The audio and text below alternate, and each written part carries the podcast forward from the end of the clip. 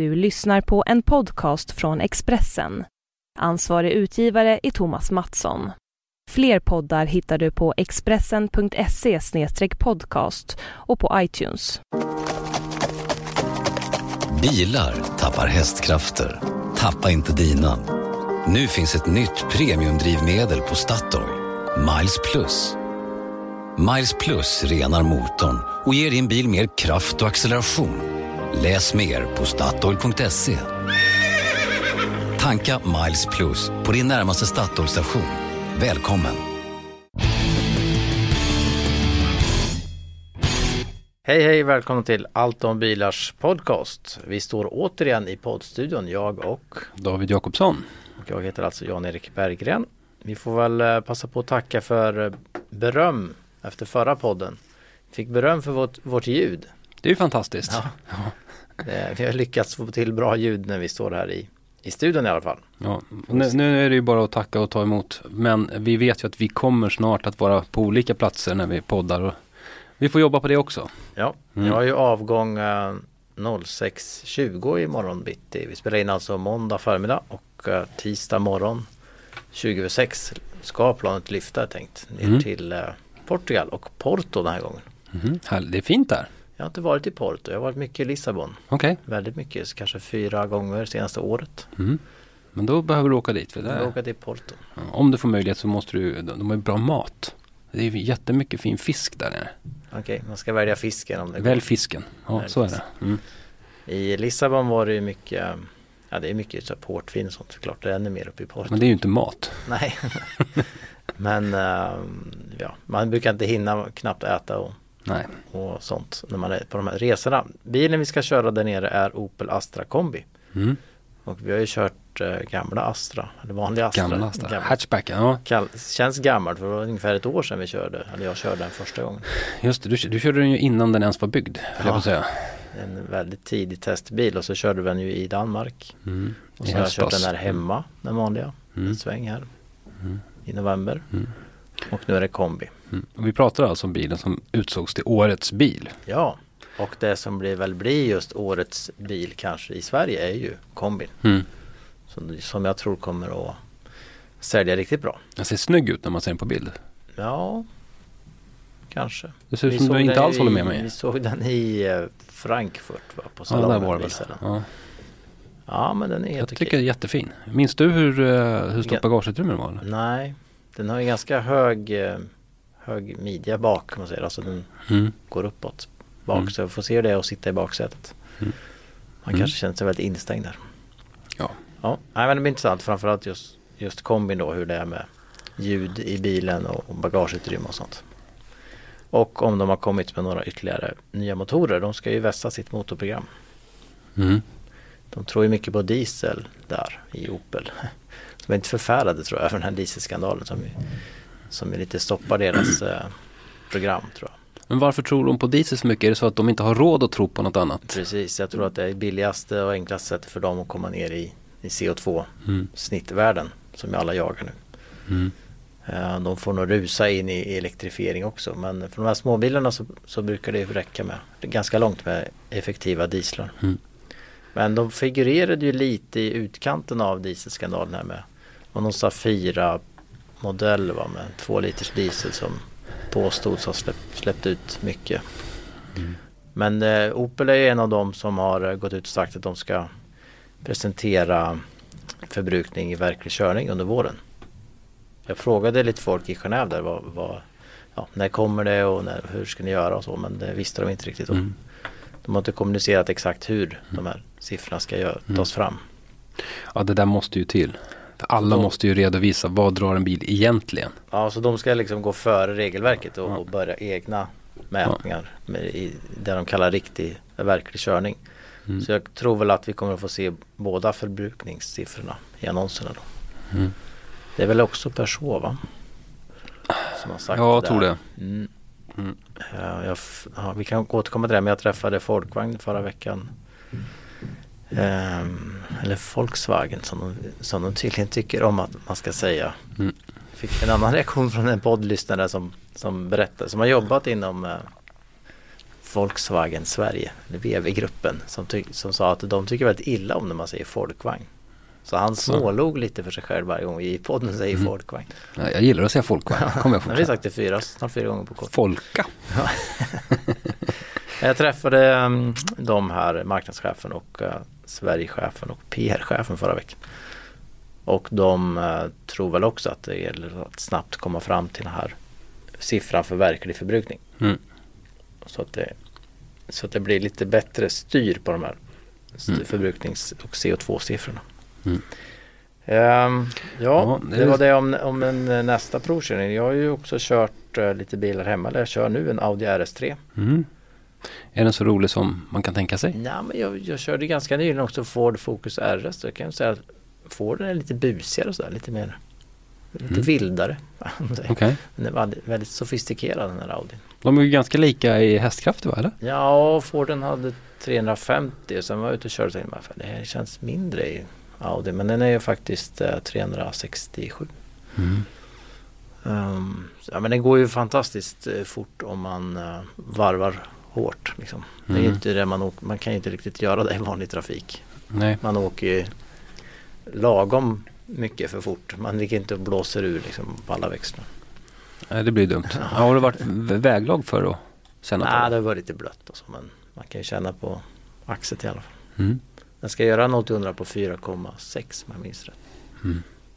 Det, klarar, det, det, det, klarar man sig med. Ja, det gör den faktiskt. Alltså det funkar ju. Men, men, men är inte grejen också lite grann att, att Audi är ju bättre än Ford på det här med att bygga komfort och så. Att de har liksom byggt bort en del av fartkänslan i och med att de säkert inte kompromissar fullt ut med Nej. komfort och premiumkänsla i den där bilen. Nej, det är det ju verkligen. Och man, man kan ju ställa in så här komfortläge mm. och, och uh, dynamic läge i de här Drive Select mm. och i komfortläge så blir den väldigt snäll. Mm. Faktiskt och väldigt eh, vanlig som en van, mer vanlig A3 och det, är, det är ju en bra utveckling tycker jag i de här körprogrammen att, att det verkligen är skillnad. Mm. Ja, det har du gnällt på förut att, att man inte märker någon skillnad. Ja.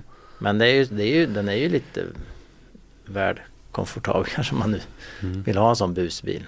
Mm. Sen kostar jag vet inte vad priset är nu så jag kollade snabbt på nätet bara. Fick fram ett engelskt pris som är bortåt ja, motsvarande 400 000. Men den ligger där kanske. För Audin? Nej. Ja. ja. Jag vet inte faktiskt. Det får vi ta reda på. Men man undrar ju. Det var, det var någon som, kompis jag skjutsade till den där och så, som sa då. Vem köper en sån här? Så det, det, kan man ju undra. Ja. Vem lägger upp alla pengarna? Vad det nu är. för den. Ja. Um, ja, vad tror du? Är det unga, unga killar i, som har väldigt bra inkomst? Eller? Jag ska bara säga, nu klickar jag in på sajten för, för att läsa på. RS3 Sportback finns ett svenskt pris här på 527,9. Ja men det var inte Sportback, det finns väl en vanlig va? Nej, det finns bara som Sportback här. Okay. Sportback, det är ju det, det är fyra dörrar. Ja. Mm, mm. Jag vet inte, alltså man köper väl den där bilen om man vill åka till jobbet fram och tillbaka och sen så vill man någon gång ut och busa. Mm. Sådär på helgen. Man kanske till och med åker på en banträff med den där. Är det så? Ja, om, broms, det är, om bromsarna håller. Det är lite fuktigt nu så bromsarna gnäller och skriker så beläggen. Ja men det är racigt. Det gillar man racigt. Ja. Uh, ja, kanske. Men, det, men, det... men, men är den tillräckligt racig för det? Liksom? Jag vet det känns inte. som att den inte riktigt är det. I alla fall inte liksom stolar och, och sånt. Men alltså det känns inte som någon entusiastbil eller? Sådär som man skruvar på eh, rejäla rallydubb på och sticker ut och leker på en sjö på vintern och sådär. Nej. Nej, kanske inte. Nej, jag vet inte. Ja, det, blir, det, är en, um, ja, det är en kul bil att köra i alla fall. Mm. kul. Är så det, att det är klart då vore man så här, hej jag har inte, inte så mycket annat att lägga pengarna på och uh, är singel och tycker om att köra och då, man kan ju köra den långt, alltså den är ju riktigt mm. skön att köra. Samtidigt som man tycker om att busa lite eller mm. jag har någon bana eller mm. ja, någonstans att ta vägen ibland och leka av mig. Då är den väl helt okej. Mm. Ja, den ska alltså ersätta både sportbilen och eh, bruksbilen. Ja. ja, om man inte, ja, som sagt om man, inte, om man är själv eller inte har så många som ska åka med hela tiden. Mm. Ja, kul. Ja, Du håller på att testa lite bilar, sådär referensbilar va? Kör lite sånt. Sådana bilar som man behöver komma ikapp med. Ja, som var länge sedan vi körde eller som, Ja, som en har kört och inte båda har kört. precis. Just nu så kör jag ju runt i en Kia Sportage med bensinmotorn. Mm. Och det, det är en upplevelse kan jag säga. Alltså, men, men ibland så känner jag så här att jag, de flesta milen kör jag faktiskt i min egen bil. Och då har jag liksom den som en sån referensbas i världen. Det här är min bil, så här känns det att köra bil. Och sen så kommer man in i vissa perioder då vi kör väldigt dyra bilar. Och uppraddat. Det kommer så här dyra Audi-bilar eller det kommer dyra Mercedes-bilar. Körde GLS för ett par veckor sedan till exempel. Och då kan jag känna att, det, det, att, att vi behöver köra de här bilarna som folk faktiskt har råd att köpa. E- emellan. Och Sportage är ju en jättepopulär bil. Du har ju kört den här nya. Det, det är liksom, Ja, men det, det, det är väl flest som kör, köper diesel va? jag tror det. Sportage. Jag tror det. Men Kia tror... fall 50-50 minst. Ja, 50-50 ungefär gissar de på. Men de tror precis som folkvagn att, eh, att det håller på att tippa över lite grann mot bensin. Eh, Alltså de, de, de, alla förbereder sig för att det börjar tippa över. Men de går ju mycket bättre, de moderna bensinmotorerna. De, ja, de har ju inte samma vrid men de har ju bra kraft från Ja, ja. början. Och de, ljudmässigt är det ganska lika nu faktiskt. Att en diesel knackar inte så hårt alls. Utan Men kör du bilen så är det väldigt lika ljudupplevelse. Men den här lilla bensinmotorn, jag tror att den är 1,6 som sitter i den här Sportagen. Jag trodde först att det var start-stopp-system på bilen. Eh, jag, hade, jag hade säkert för mig att nej men det ska inte vara det. Men så stannade jag vid första rödljuset. Det var alldeles tyst i bilen. Nej, är det startstopp på den tänker jag. Så, fick jag lov att titta på varvräknaren. Nej, men den låg där på 800 varv någonstans. Otroligt tyst på låga varv. Mm.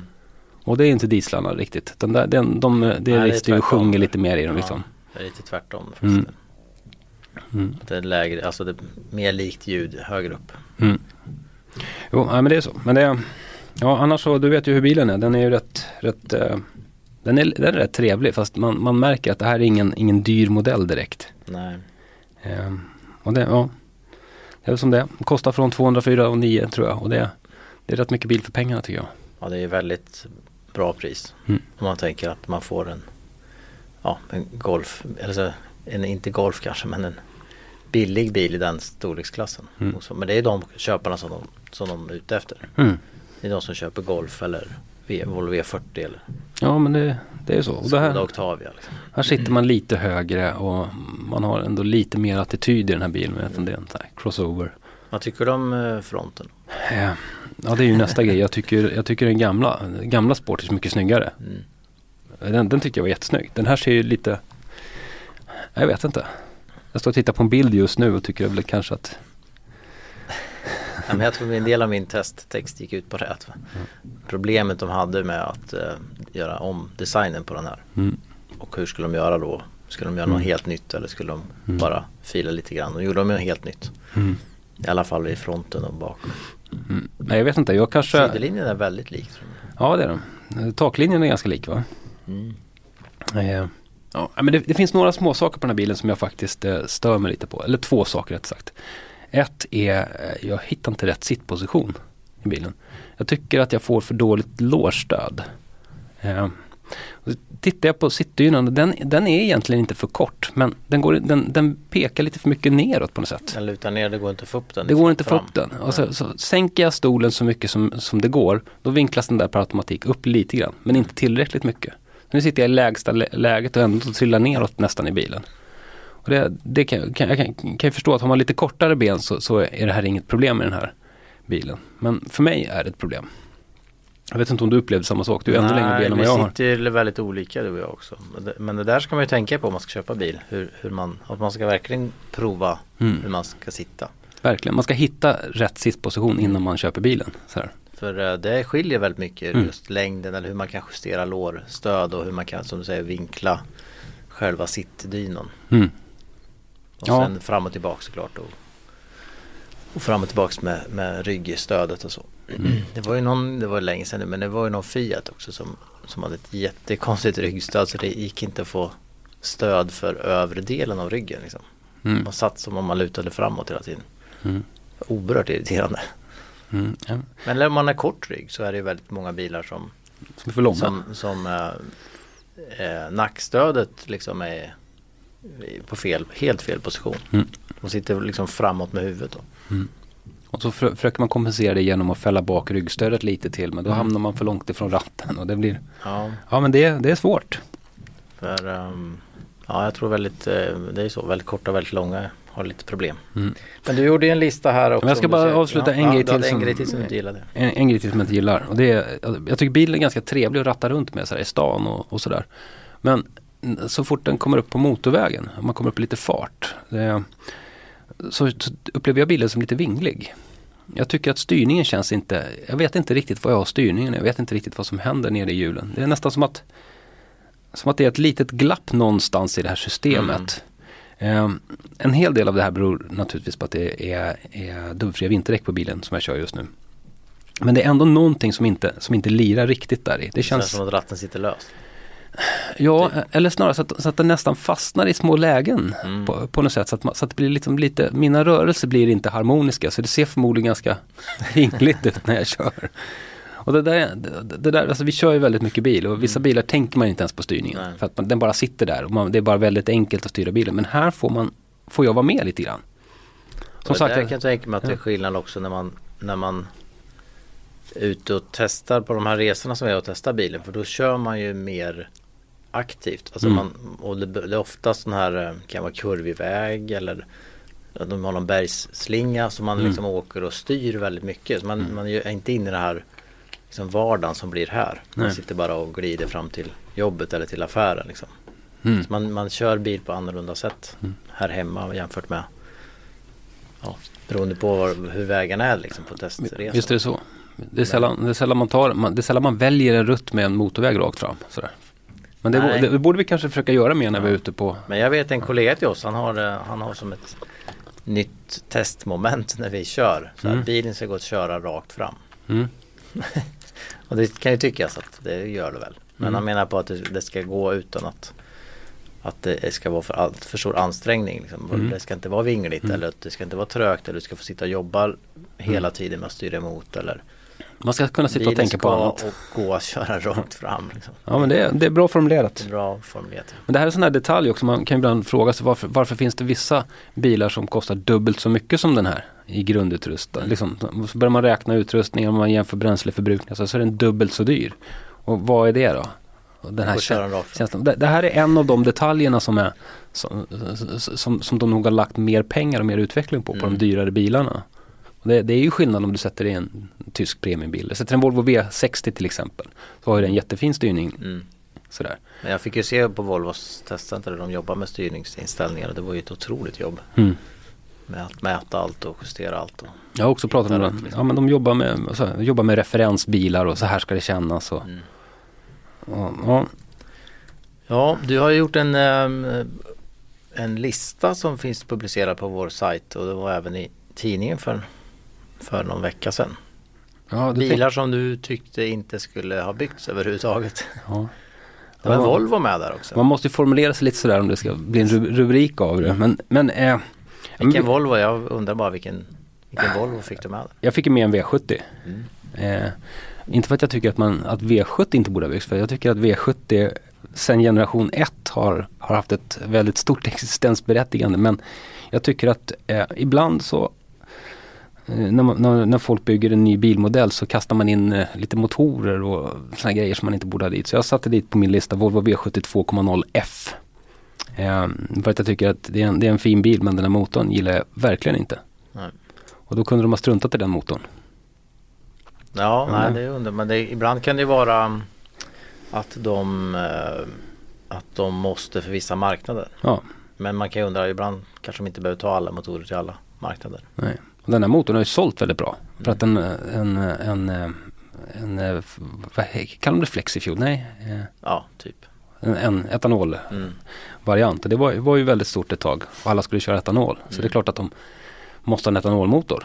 Men eh, den där var inget bra. Nej, ja, jag mm. tror den, den perioden var problematisk. Ett problem med etanolet var ju att bland annat att de inte visste exakt vad det var för bränsle. Alltså mm. det kunde varierar väldigt mellan olika eh, olika leverantörer. Alltså om du tankade på OK eller och även om du tankade på OK så kunde det vara olika från dag till dag. Mm. Det fanns ingen helt tydlig kemisk eh, ja, sammansättning där exakt vad det var. Vilket påverkar motorinställningen. Mm. Så de var tvungna att ha väldigt stor marginal. Eh, var det något mer där som man kan dra? Ska jag, tre stycken. Ska jag ta? Jag kan ju börja med, med en annan bil, en eh, Ford Scorpio. Ja. Och, eh, nu ska jag säga att jag har haft ett flertal Scorpio. Eh, men jag, eh, den, den, där Scorpion, den första Scorpion, den kom ju som ersättare till, till eh, Granada. Jag har haft en Granada också en gång. Mm. Det var en superbil.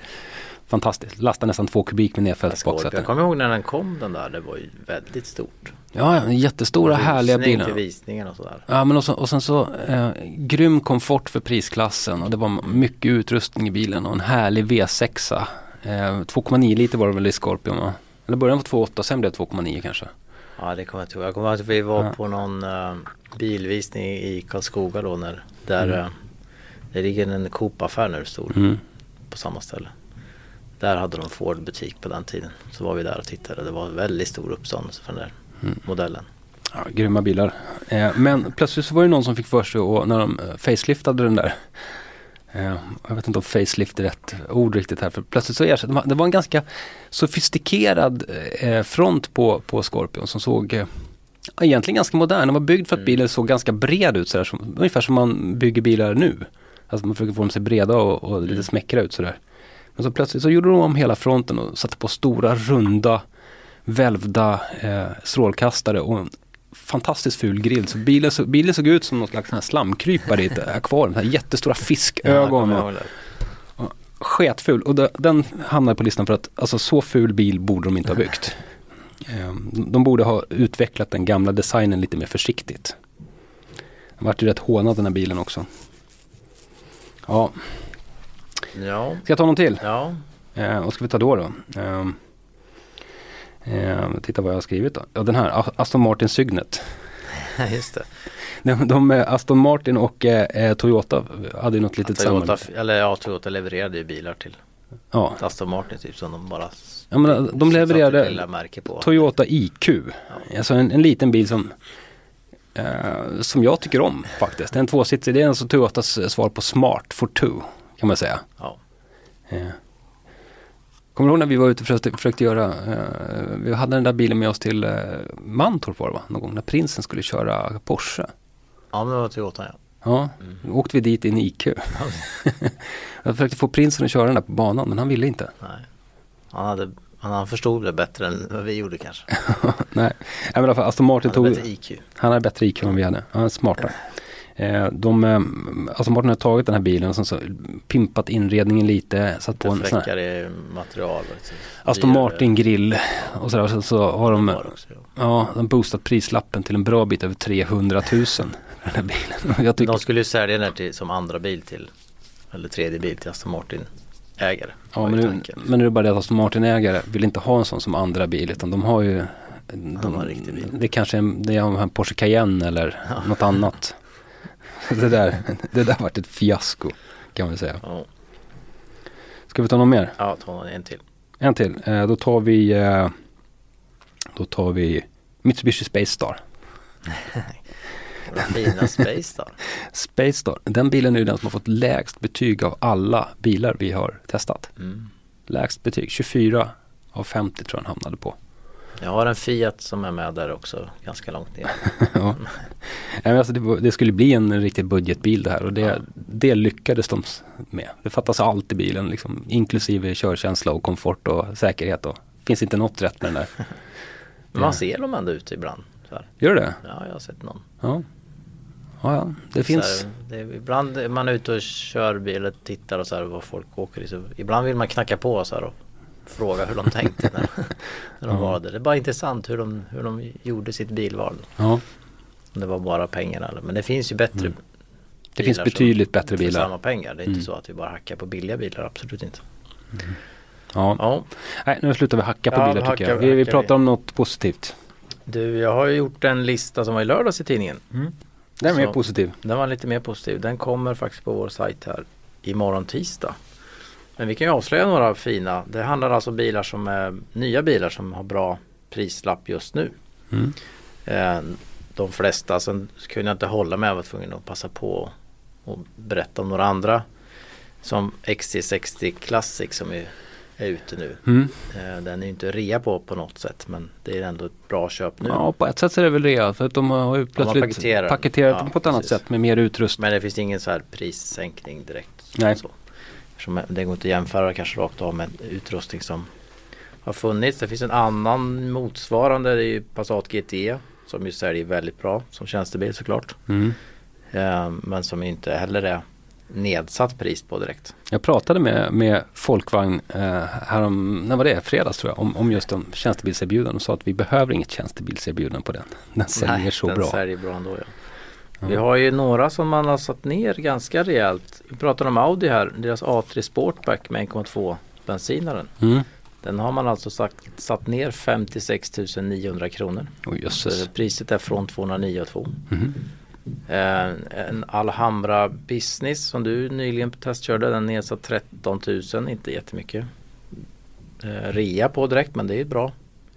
Bra köp om man ska ha en sju sittplatser och bra plats för familjen. Mm, jag gillar den där bilen. Det blir ju, den, den, blir, ja, den, den konkurrerar ju väldigt bra med många andra. Mm.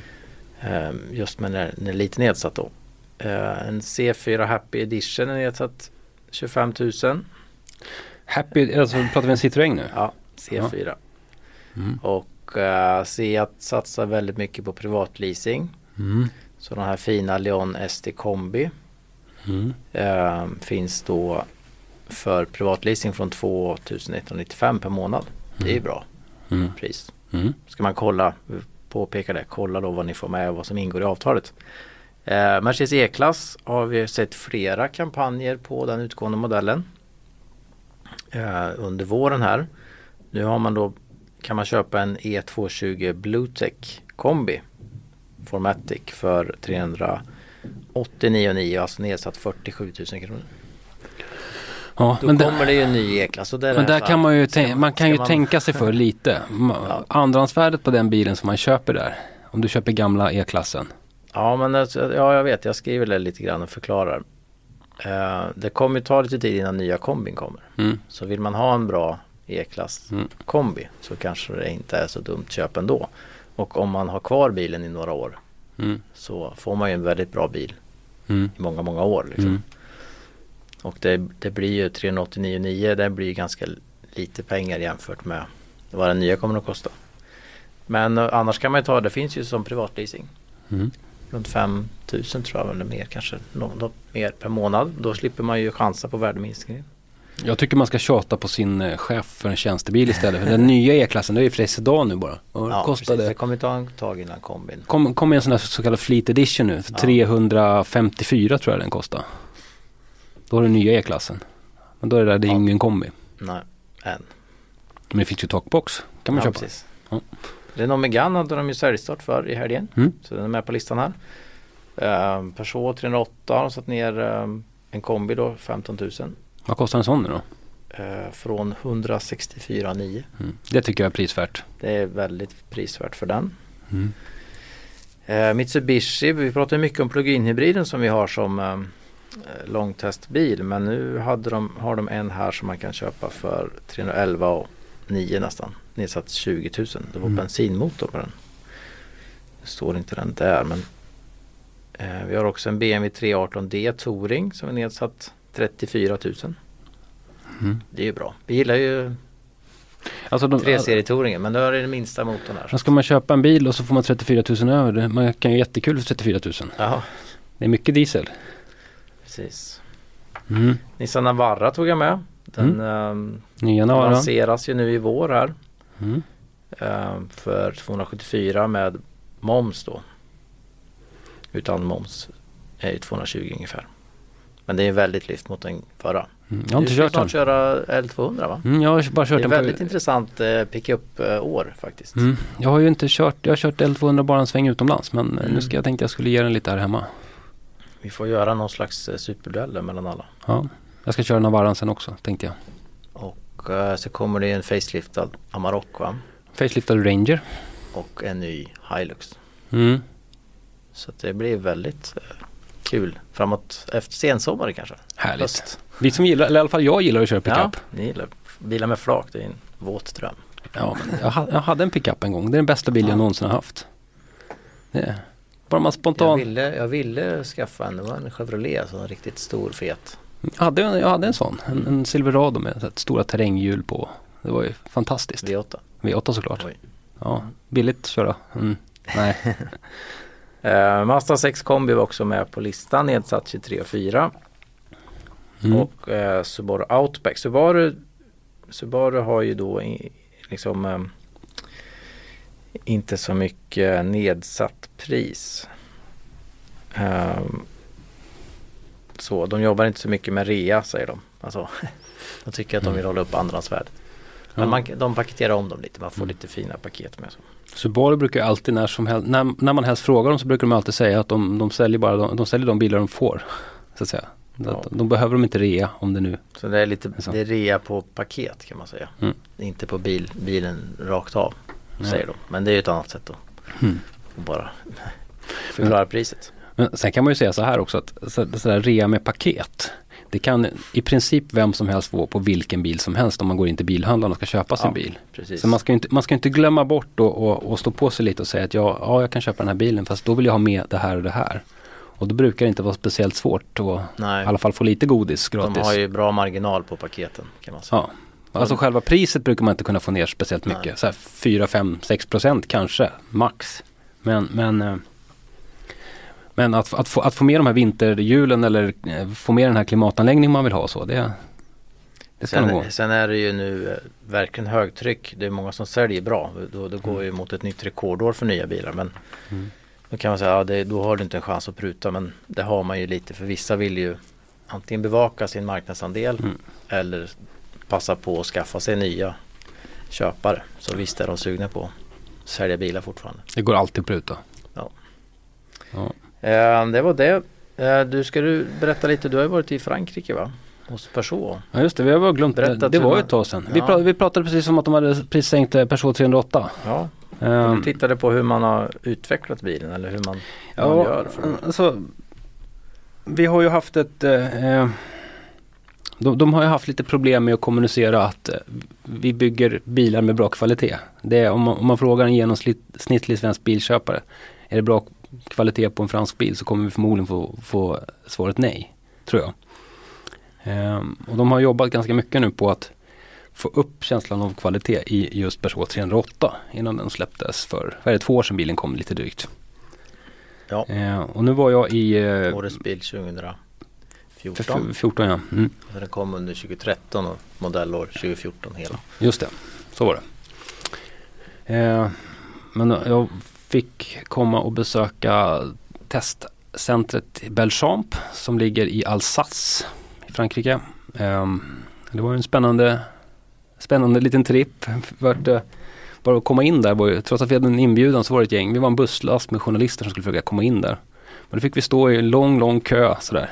Och, och vänta, lite småregn kring nollan och stå en lång, lång kö. Så, fick, så var det så säkerhetsvakter som gick igenom våra grejer och eh, tejpade små klisterlappar över allting som såg ut som ett kameraöga på mobiltelefoner och datorer och, och grejer och sådär. Så det var, de ville inte riktigt att vi skulle fota och kunna skicka iväg saker som fanns där inne. Men till slut fick vi komma in och uh, köra lite på testbanorna där, där de har jag tror att det är 17 olika testbanor de har för att prova bilar. Så fick vi köra lite olika Peugeot 308 som hade gått lite olika långt. Mm. Eh, de ville visa på att så här fräsch känns en sån här bil efter 10 000 mil och sådär. Men vi fick också gå in och titta där de verkligen plågar bilen. Så att de hade spänt fast en, en 308 eh, en silverfärgad hatchback var det som hade spänt fast på någon slags rigg. Där de skakar och grejer och donar med alla fyra hjulen och simulerar sådär riktigt pissiga vägar med potthål mm. och sådär. Det var spännande. Det är ju um, Det är ju så de måste göra för att och inte tumma på det utan de ja. måste liksom gå in för att testa allt mm. och, och misshandla dem och sen ha ett bra program för hur man följer upp det. För mm. de har ju haft några storsäljare genom åren. Mm. 307 och Mm. 206 gick väl bra 206 gick mm. bra när den kom. Alltså sådana här som, mm. som man verkligen tycker wow det här var ju riktigt bra liksom, när den är ny. Mm. Och sen säljer den bra och så kommer fel. Mm. Kommer kvalitetsproblem liksom. Man väl bromsar ett tag. Mm. Som skyller på en underleverantör som hade bytt eh, någon tillverkning eller någon, ja, något material och då höll inte det liksom. Mm. Och då, då, då faller det ju igen. Då mm. kommer det tillbaks där, ja men det är fransk bil. Ja, men, det. Mm. men nu var, de, nu var de ganska kaxiga faktiskt. För nu mm. hade de liksom de har ju, de har ju haft eh, en mycket tydlig konkurrent som de har jämförts med. Och det är Volkswagen Golf. Och säger Volkswagen. Mm. Jag menar Volkswagen Golf. eh, och den eh, och de har ju skakat och donat med, med, den bilen också såklart. Och så hade de plockat isär båda bilarna i sina beståndsdelar mm. och analyserat alltihopa så här. Så i sina mätningar och grejer kan de nu konstatera att de är minst lika bra som Golf tycker de på de mm. flesta.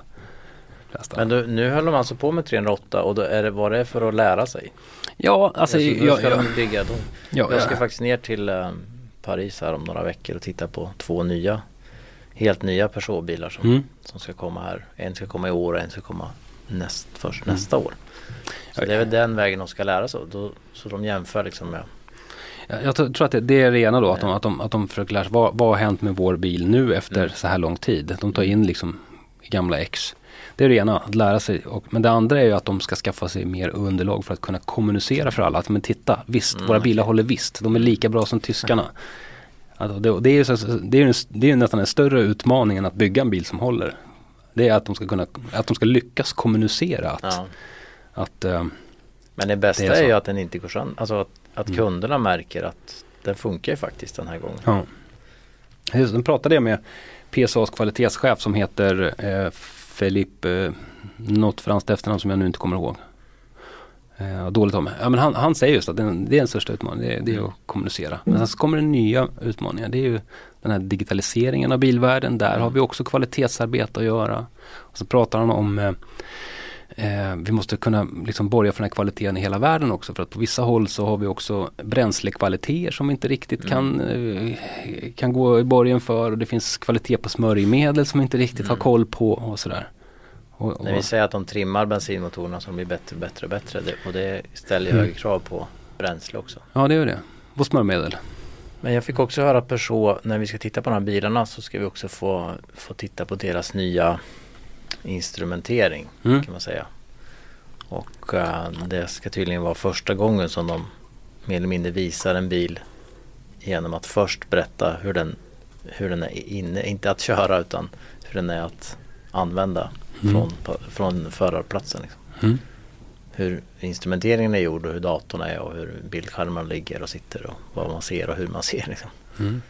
Men, det, är eh, ju, det är ju en ny nej, trend. Det, eller ja. ja, det är en ny trend. Ja. Men de är inte först med det. Nej, de är inte först men det, det, man förstår ju hur det här kommer att bli.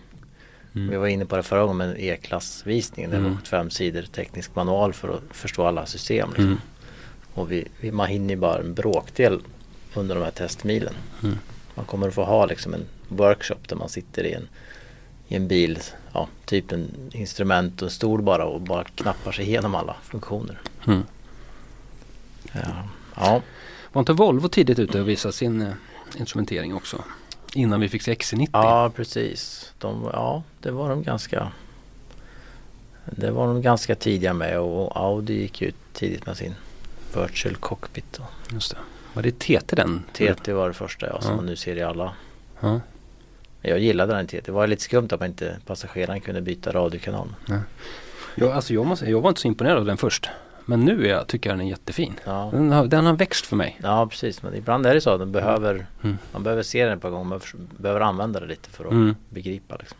Mm. Den är jättesnygg tycker jag. Um, det kanske är som med Mercedes touchpads då, som sitter på ratten som var väldigt stökiga i början. Den mm. kanske behöver några mil.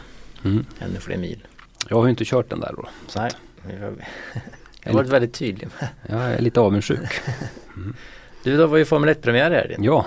Ni som gillar att prata Formel 1. Vi hann inte riktigt nämna allt i förra podden för vi blev ju avbrutna av någon. Vi kan eh, faktiskt prata väldigt länge om det. Italiensk fotbollspodd som produceras i samma studio här. Men ja. eh, vi var ju på där, du gick upp på morgonkvisten redan träningen där fredag, tidigt fredag morgon va? Ja, det, det var ju det var ju missräkning. Ja, det regnade bort ja. det.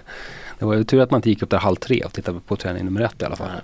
Eh, men ja. Men Sen vi, kom ju kvalet. Vad gillar du det nya kvalsystemet? Alltså, vi, vi, både och tycker jag. Eh, alltså, jag tyckte att det var kul att de små teamen hamnade i väldigt mycket fokus under de första två kvalsessionerna under Q1 mm. och Q2. Och det, alltså som, vi skrev väl någonting om det där på på Facebook. Där Olika att, forum här där ja. Ja, men att, att det, är ju, det är naturligtvis oerhört värdefullt för ett team som Sauber och sådär, få, få visa upp sig ordentligt i tv. Och Mm. sponsorerna, och när, när de sen ska snacka med sina sponsorer så har de ju liksom, titta vad mycket tv-tid vi levererar. Mm. Det är ju, och det är ju skitbra. Men sen kommer vi till Q3. När alltså de, de bästa bilarna ska göra upp om de främsta startpositionerna. Och då var det ju helt värdelöst. Då, det var verkligen tråkigt. För att det var ju, det var ju flera bilar som, det var liksom de sista fyra minuterna så hände det väl ingenting på banan. Nej ingen körde ut för det hade de ju använt upp sina däck. Mm. Och eh, då tyckte de inte det var värt att eh, köra ut. Mm. Eh, ja, de hade sina positioner. De var nöjda liksom med, Mm. med att vara Vettel var nöjd med att vara trea. Mm. Så, så var det liksom. Mm. Um, Nja, jag, kan jag tyckte nog likadant att de första två var bra även om många gnällde efteråt på, även på det att det var så här var mycket trafik i början. De hann Mm. inte sätta sina varv. Men jag tycker det är väl en del av grejen eller? Ja, att du jag, jag tycker också det. fort med, i, även i trafik då. Alltså ska man bara få allting serverat då, då är det ju Och då inget kan man ju roligt. köra ut en och en. Ja, då kan man ju räkna. time attack eh, scenario att du bara kör ut en och en liksom. På nya däck. Får köra ditt varv. Då kan man lika bra kolla på rally. Ja, Kommer ja i taget precis. liksom. Det, är, det är ju typ rally. Ja. Eh, nej men det är väl en del av grejen. Sen kan man tycka att det är synd att däcken är så avgörande då så att man inte kan ha en chans att göra ett snabbt varv. Mm. Eh, eller två snabba varv på ett, på ett däck så att säga. Mm. Och det kanske man nu, nu, nu skrotar man ju hela det här nya systemet Mm. till nästa race redan. Men det är väl något man kanske kan fila på att man Jag tänkte på det, man kanske ska ha ett kvardäck som, alla, alltså, som man verkligen kan ligga ute och köra hela tiden. Ja. Ja, det, bara är det på lika in- för alla så. Ja, men såg på Indy Lights eh, kvalet här för några, för några veckor sedan. Mm. Då låg de ju ute flera varv Mm. på hyggliga bra tider. Det var ju verkligen inte så att det var ett varv och sen var det däcket slut. Liksom. Mm. Utan man kanske ska Ja, det blir ett annat typ av kvar. Det blir ju inte snabbast möjliga varv Mm. med perfekt förutsättningar. Alltså när, jag, när jag såg det här kvalet så tänkte jag så här, ja, dels, dels det här ett kvaldäck, ja. Men man skulle, man skulle kunna ha det här nya som de i och för sig redan har skrotat. Mm. Alltså Q1 och Q2, det nya formatet tyckte jag var kul. Men sen skulle man ha Q3 som gamla Q3. Ja, precis. Och det, hade, det var ju många inne på. Kör de Mm. här två första och sen gå tillbaks till För då, då får du så här det här roliga kvarten, stökiga liksom. och du får Mm. små teamen som hamnar i fokus ett tag. Men sen så är det, sen så är det Mercedes-bilarna och Ferrari-bilarna som gör upp på ett sätt som vi är vana liksom. Och vi får Ja. se dem kämpa in över mållinjen sista sekunden liksom. Det, ja. Ja. Vi får, nu är det skrotat. Vi kan väl, det kanske kommer nya förslag och idéer. Mm. Eh, Men- men- det blir i alla fall mycket snack. Ja, och det, det behöver ju Formel 1 också.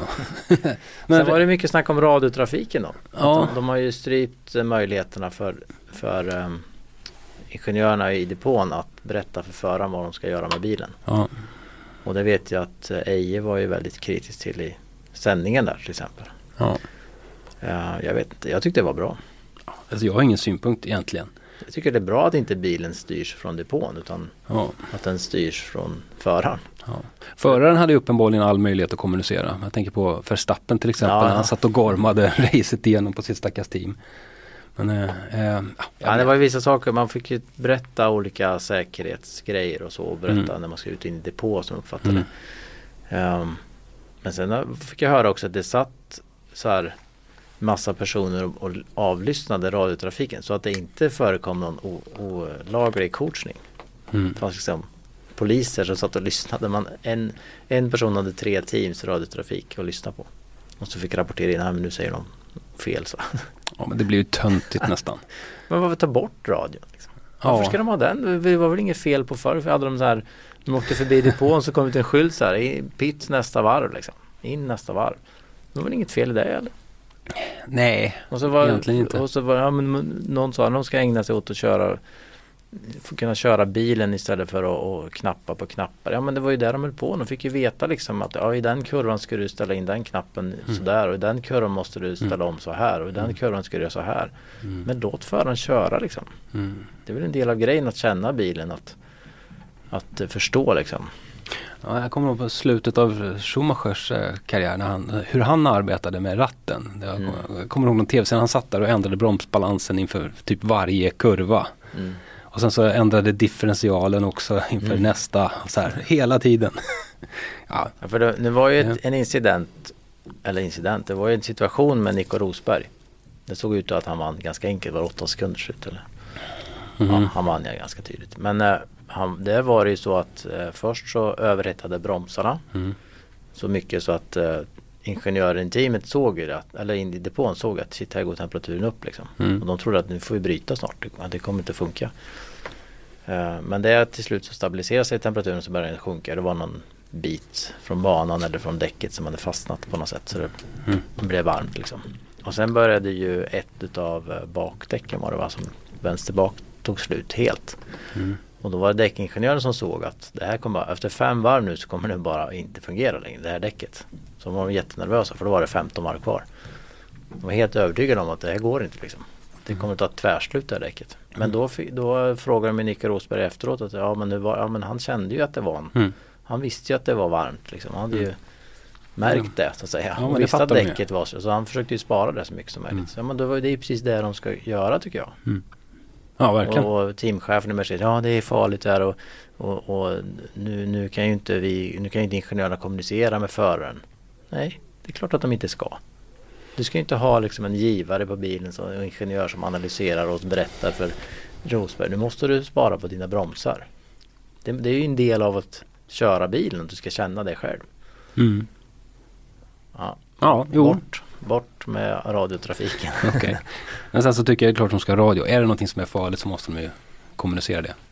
Om det är ja, men farligt det på kan ju riktigt. tävlingsledningen kommunicera. Alltså nu är det en bil och de har den här virtuella säkerhetsbilen. Och du kan ju en, du kan ju ha en allmän kommunikation från, från tävlingsledningen ut till förarna. Liksom. Ja. Nu är det någon som har kört av där. Mm. Kör sakta nu. Eller rödflaggen som kom. Och, Ja. ja, kanske. Ja, Kanske, vad ja. tror du av Ferrari? Kommer de att fortsätta att stöka lite för Mercedes? Ja, men alltså det, det var ju jättespännande att se hur de eh, Alltså det har varit jättemycket snack innan om Ferrari ska ha mörkat sin form eller inte. Men nu var det väl nästan eh, övertydligt att det har de ju gjort lite. För att de var ju väldigt snabba. De var väldigt snabba i... Det var väl rödflaggen som Ja, men- förstörde. Alltså från starten och så se hur Vettel startade och blåser förbi två Mercedes-bilar och sen så drar ifrån bägge Mercedes-bilarna. Eh, och han hade ju en ganska bra lucka innan det var en röd flagg. Det var ju en Mm. väldigt otäck krasch med eh, Alonso och eh, vem var det? Gutierrez. Just det. Mm. Eh, Alonso körde på Guter- Guterres bakifrån. ja. Och sen En vi, klassisk eh, omkörning och sen ja. bromsade han för tidigt. Han kanske var, försökte vara Mm. lite snäll där då. Jag vet inte om jag sett en bil se så svagt. för jävligt ut som Alonsos bil. Den var ju helt ihopvikt. Ja, Han, han klev ju dock ut så här, glad och nöjd liksom. Men, kröp ur. ja, i alla fall. Men, men eh, i och med rödflaggen där så, så pajar ju Ferrari sin strategi liksom. Plötsligt så för, för, åts ju allt det där avståndet upp till Mercerna Mm. bakom. Som Som dessutom kunde byta däck. ja, precis kom, kom, komma ut med, på mediumdäck och Köra in i mål med dem. Men en Ferrari på pallen i alla fall var väl bra. De kanske inte hade räknat med att Kimmys bil skulle börja brinna då. Det var ju ett minus. Nej, det var lite orosmoment. Nej men det, det var väl en, däremot en succé det här med tre olika däck. Inte bara två olika utan man tre Mm. olika som gör att man kan skifta strategi Mm. mer. Så Mm. man kan, de kunde sätta på ett däck och köra in i mål. Sen körde de ju väldigt snabbt på det däcket får man ju komma ihåg. Mm. Så de är nog riktigt bra i också. Mm. Ja, men Ferrari var ju bra på, på sina däck. De var ju snabbare på. Nej, men jag, jag, tror, jag tror att Ferrari är närmare Mercedes än, än vad de var förra året. Och det är kul. Vi måste säga någonting om Sauber också. Ja, det var väl lite var en katastrof. fullkomlig katastrof. det var ju, nej, det var, de var ju så långsamma så att det var ju liksom, man snackade innan så att ja, kanske Renault kommer att rå på Sauber och kanske, sådär, men de var, ju, de var ju så frånåkta. De stod ju still ute på banan. Ja, det fick man väl ingen förklaring på varför det gick så långsamt före rödflaggen framförallt. Mm. För de var ju bättre med i sista fria träningen så var ju Marcus bra med. Ja, de ville, ju fokus, de ville ju gärna fokusera på hur bilen var efter rödflaggen. För då var det någonting konstigt i bilen sa Marcus. Och sen så var Ja, det det någon... var ju någon grej som fastnade från däckvärmen fick jag höra. Det. Asså? Alltså när de stod, det var därför de fick bestraffningen också. Alltså de stod i depån där och hade Mm. en däckvärmare på och sen skulle de av med dem där och då fastnade någon grej och då fick de inte bort det och då, då var då, därför me- mekarna var där för länge. Okej. Mm. Och sen fick då sen den här grejen fastnade på ett sätt så att hjulet satt löst, ena hjulet satt löst på något sätt. Mhm. Och det i sin tur orsakade drivaxel Mm. för den, den liksom, ja, hjulet, när det satt lite löst på något vis så drog det väl snett och så pajade drivaxeln. Ja, det förklarar väl hans eh, dåliga fart Ja, efter rödflaggan. men det Men det, förklarar, det, förklarar, det förklarar inte Nasers dåliga fart. Nej, och inte att det var dåligt innan. Nej. Röd, för det slapp de undan lite de frågorna. Men varför Mm. funkar den så dåligt innan? Men han var ju nöjd med I intervjuerna så var ju han nöjd med allt fram Mm. till Han sa så att han ville inte, ville inte ändra några inställningar på bilen inför racet Nej. och det var eh, perfekt balanserat hit och dit. Men det var ju långsam. Ja, och det tror jag han fick klart för sig liksom efter en stund att shit Mm. vi var ju långsamma också per varv. Mm. Även innan sönder som sagt. Var Mm. även Nasser. Mm. Men ska man ta sig, med sig någonting så var det väl att Marcus var, fem tiondelar snabbare än Nasser på På kvalet. fria, fria träningen va? Ja, fria träningar. Ja. Ja. Mm. Um, sen var han ju väldigt kaxig tycker jag Marcus. Alltså det var en helt ny sida av honom. Mm. Tydligare med att jag är bättre form, jag kan, vi har gjort mitt, jag, Mm. gjorde mitt jag gjorde bra jobb. Mm. Ja. Och Ja. han styrde ju inte undan för Nasser fast bilen var paj liksom. Nej, jag- vi kan ju förvänta oss en tuff strid mellan de två i, i år också. För att det är ju, det är ju så i Formel 1. Det är, den viktigaste spöa är ju teamkamraten. Det Ja. tjatar ju alla om hela tiden. Och det är ju extra tydligt när man inte kan spöa någon annan så att säga. Ja men tydligen var det så att, att de hade sagt till Marcus att du får Du måste öka eller också får du släppa honom Mm. på nästa varv. Mm. Och sen hade Nasser kört av då. Mm. Så då tyckte Marcus att ja, det var lite synd om honom. Ja. Men det var ju en annan, det var ju som sagt två andra Verstappen och Sainz där. De var ju, I alla fall Max Verstappen var ju inte så glad över Mm. hanteringen. Men eh, det är ju så att han har lite försatt sig i den situationen. För han har ju gnällt och alltså han har ju inte följt några teamorder tidigare. Men nu får han ju tillbaks dem. Mm. Och han, han bad ju, man fick höra på radion, men ni måste göra något, ni måste göra något. Och de bara, ja men kör om då. Ja, nej men det var Sen jättebra. hade de ju, de hade ju tabbat sig också teamet för han ville ju gå in och byta däck för han var ju illa ute Mm. på däcken. Så han ville ju in, han ville in liksom hela tiden. Så tog de in Sainz först och sen när han körde in så var de inte beredda så det tog för lång tid. Mm. Så han var väl sur på dem för det liksom. Mm. Tyckte man kunde Han var, han, var, tillbaks då. han var ju frustrerad racet igenom. Alltså han, Han var gjorde ju snabb, han var en han femma var liksom. Han Jättesnabb. var ju femma fram till det började krångla med, Mm. med depåstoppen och däcken. Så snurrade han ju en gång också. Ja, men då var han tydligen var han på lite Sainz bakifrån där och snurrade. Mm. Ja, det är ju ingen bra idé heller. Nej men jag förstår att han var frustrerad för han låg ju liksom typ femma Mm. länge. Alltså när, Mm. när, i början han såg ju liksom framför att det här kommer gå bra nu liksom. Mm. Så började det bara krångla. Mm. Han var ju övertygad om att de skulle ha kört snabbare än Haas-bilen som kom sexa. Mm. Ja, Det spännande. blir ju kul fight. Tror du att det blir lite bråk mellan Rosberg och Hamilton också? Ja, Jag är helt övertygad. Det är alltså den här nya människan Hamilton som hiphop Hamilton. Han, han, han och familjefars eh, Rosberg som, som kanske ser sin sista chans att få ta en, ett världsmästerskap i Formel 1. Jag, jag tror inte de, någon kommer lägga ett finger emellan där inte. Det kommer att bli Nej, tufft. de var ändå ganska nöjd med andra platsen. Som att han, Ja men det ska han Det vara. Han det gjorde ett jättejobb ju. Han hade en, eh, var han sexa på första varvet? va? Eh, Fem eller sexa, jag kommer inte ihåg. Han, hade, han gjorde ju bra jobb sen. Mm. Även om starten var miserabel. De tror att det berodde på det extra, extra varvet. Att, Ja. För att kopplingen blev varm eller fel Ja. just för dem. Påverkade inte Ferrari. Nej, Eh, Men Rosberg ska man kanske framhålla, han gjorde ju ett superjobb. Han gjorde, jag tror inte han gjorde ett misstag på hela racet. Eller gjorde han det? Nej, han gick ju som tåget. ja. Jag tror han blev Ja. världsmästare. Nej, jag håller, eller håller på. Jag tror att Hamilton tar det. Han är snabbare. Han var ju verkligen snabbare i kvalet. Mm. Eh, du följde upp sen och kollade på MotoGP på kvällen.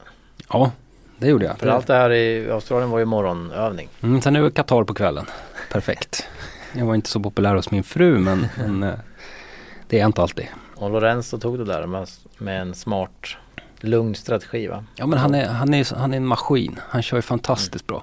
Sen, hade han, sen var det en tätklunga som låg hela racet. Men de orkade inte. Orkade inte kappa honom. Nej. Det var ju liksom banrekord mot slutet av racet och sådär. Det är liksom Igår, igår var det bara Lorenzo som, som mäktade med det där. Men eh, ja, Rossi hade jag nästan räknat bort men han, han, eh, han kom in på fjärde plats och låg Ja, och nära- hackade Han var på nära Marcus va? Ja, han var, var nära Marcus. Ja, Tänkte att det blev en liten kubbning igen där kanske. mm. Men det var ju tre bilar, eh, tre bilar, tre motorcyklar på pallen. Det var ju, var ju eh. Yamaha, Ducati och Honda. Ducati trodde man väl inte riktigt på innan då? Nej, egentligen inte. Men, men de var ju ganska snabba i Och slutet. inte och- Honda heller. man vet ju aldrig det första racet sådär. Men, men Ducatin, jävlar vad snabb den är. Alltså över 350 km i timmen på rakan i Qatar. Det är ju liksom rätt tufft. Ja, de man tror väl kanske att Lorenzo väntar på lite, lite erbjudande från Ducati. Ja. Ja, vi får se. Rossi skrev på för två år till va? Mm, får till. Han är 39 då när det kontraktet går ut. Då ska han kanske skifta över till bilar som han Ja, sagt. han vill köra Le Mans. Han har sagt. Inte rally än va? Han kom inte så långt i rally. Körde han Nej. i England och körde av första sträckan. Ja, men var inte han med i det här Race of Champions och gick bra i bil? Jo, men han provade på rally-VM ju. Ja. Och, och körde av första sträckan. Mm. Bara klev ur och gick därifrån och åkte Mm. hem. Lämnade bilen där. Men köra långlopp, det tror jag är grejen för honom sen. Ja, kanske. Ja. Nej, duktig chaufför. Ja, vad har vi nu att se fram Det är två eh, veckor kvar va? Det är 3 april nästa, Bahrain. Uh, ja, det är det. Ja. Jag tror att Indy Lights då med Felix är den, de trakten också. Mm. Ja, sen kommer rulla på VTCC-premiär Mm. också den helgen va? Nej? Jo, Det är ju in, näst, nästa helg är det. ja, Eh, men det är VTCC också då. då. mm. Det är då det är Bahrain. Frågan är hur jag ska kunna se på Bahrain från VTCC-premiären. Ja, de har internet där också. Ja, det har de säkert. Jag ska ju faktiskt åka till Paul Ricard och Ja. få titta på när Fredrik Ekblom och Ted Björk gör sin VTCC. Mm. Eh, Gör debut i den här satsningen. Och sen ska vi, kan vi avslöja det nu förmodligen, eller ja, vi ska åka på Formel E Mm. i Paris. Stort. Det blir ju också fränt. Mm. Den, om vi återkommer till Volvo, den serie som väl ändå till slut Volvo har sagt att det ska de göra någon motorsport så är det Formel E. Mm. eh, Med el, elbilar.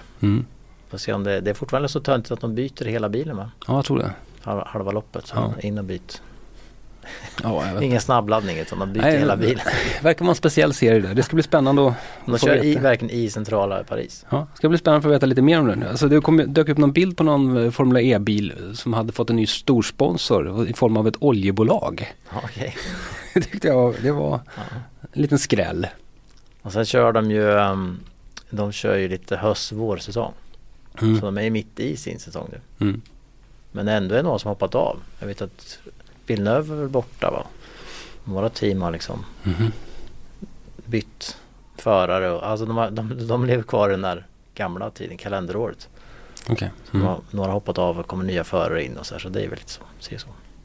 Men det är väl spännande att kolla lite mer på det och framförallt då om, om det blir så att det här är något för Volvo. Ja, kul. Ja, tack så länge då. Tack. Hej då. Bilar tappar hästkrafter. Tappa inte dina. Nu finns ett nytt premiumdrivmedel på Statoil. Miles Plus. Miles Plus renar motorn och ger din bil mer kraft och acceleration. Läs mer på Statoil.se. Tanka Miles Plus på din närmaste Statoil-station. Välkommen!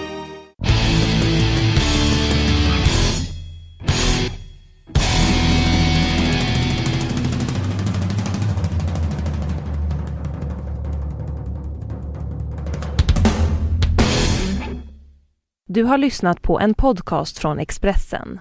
Ansvarig utgivare är Thomas Mattsson.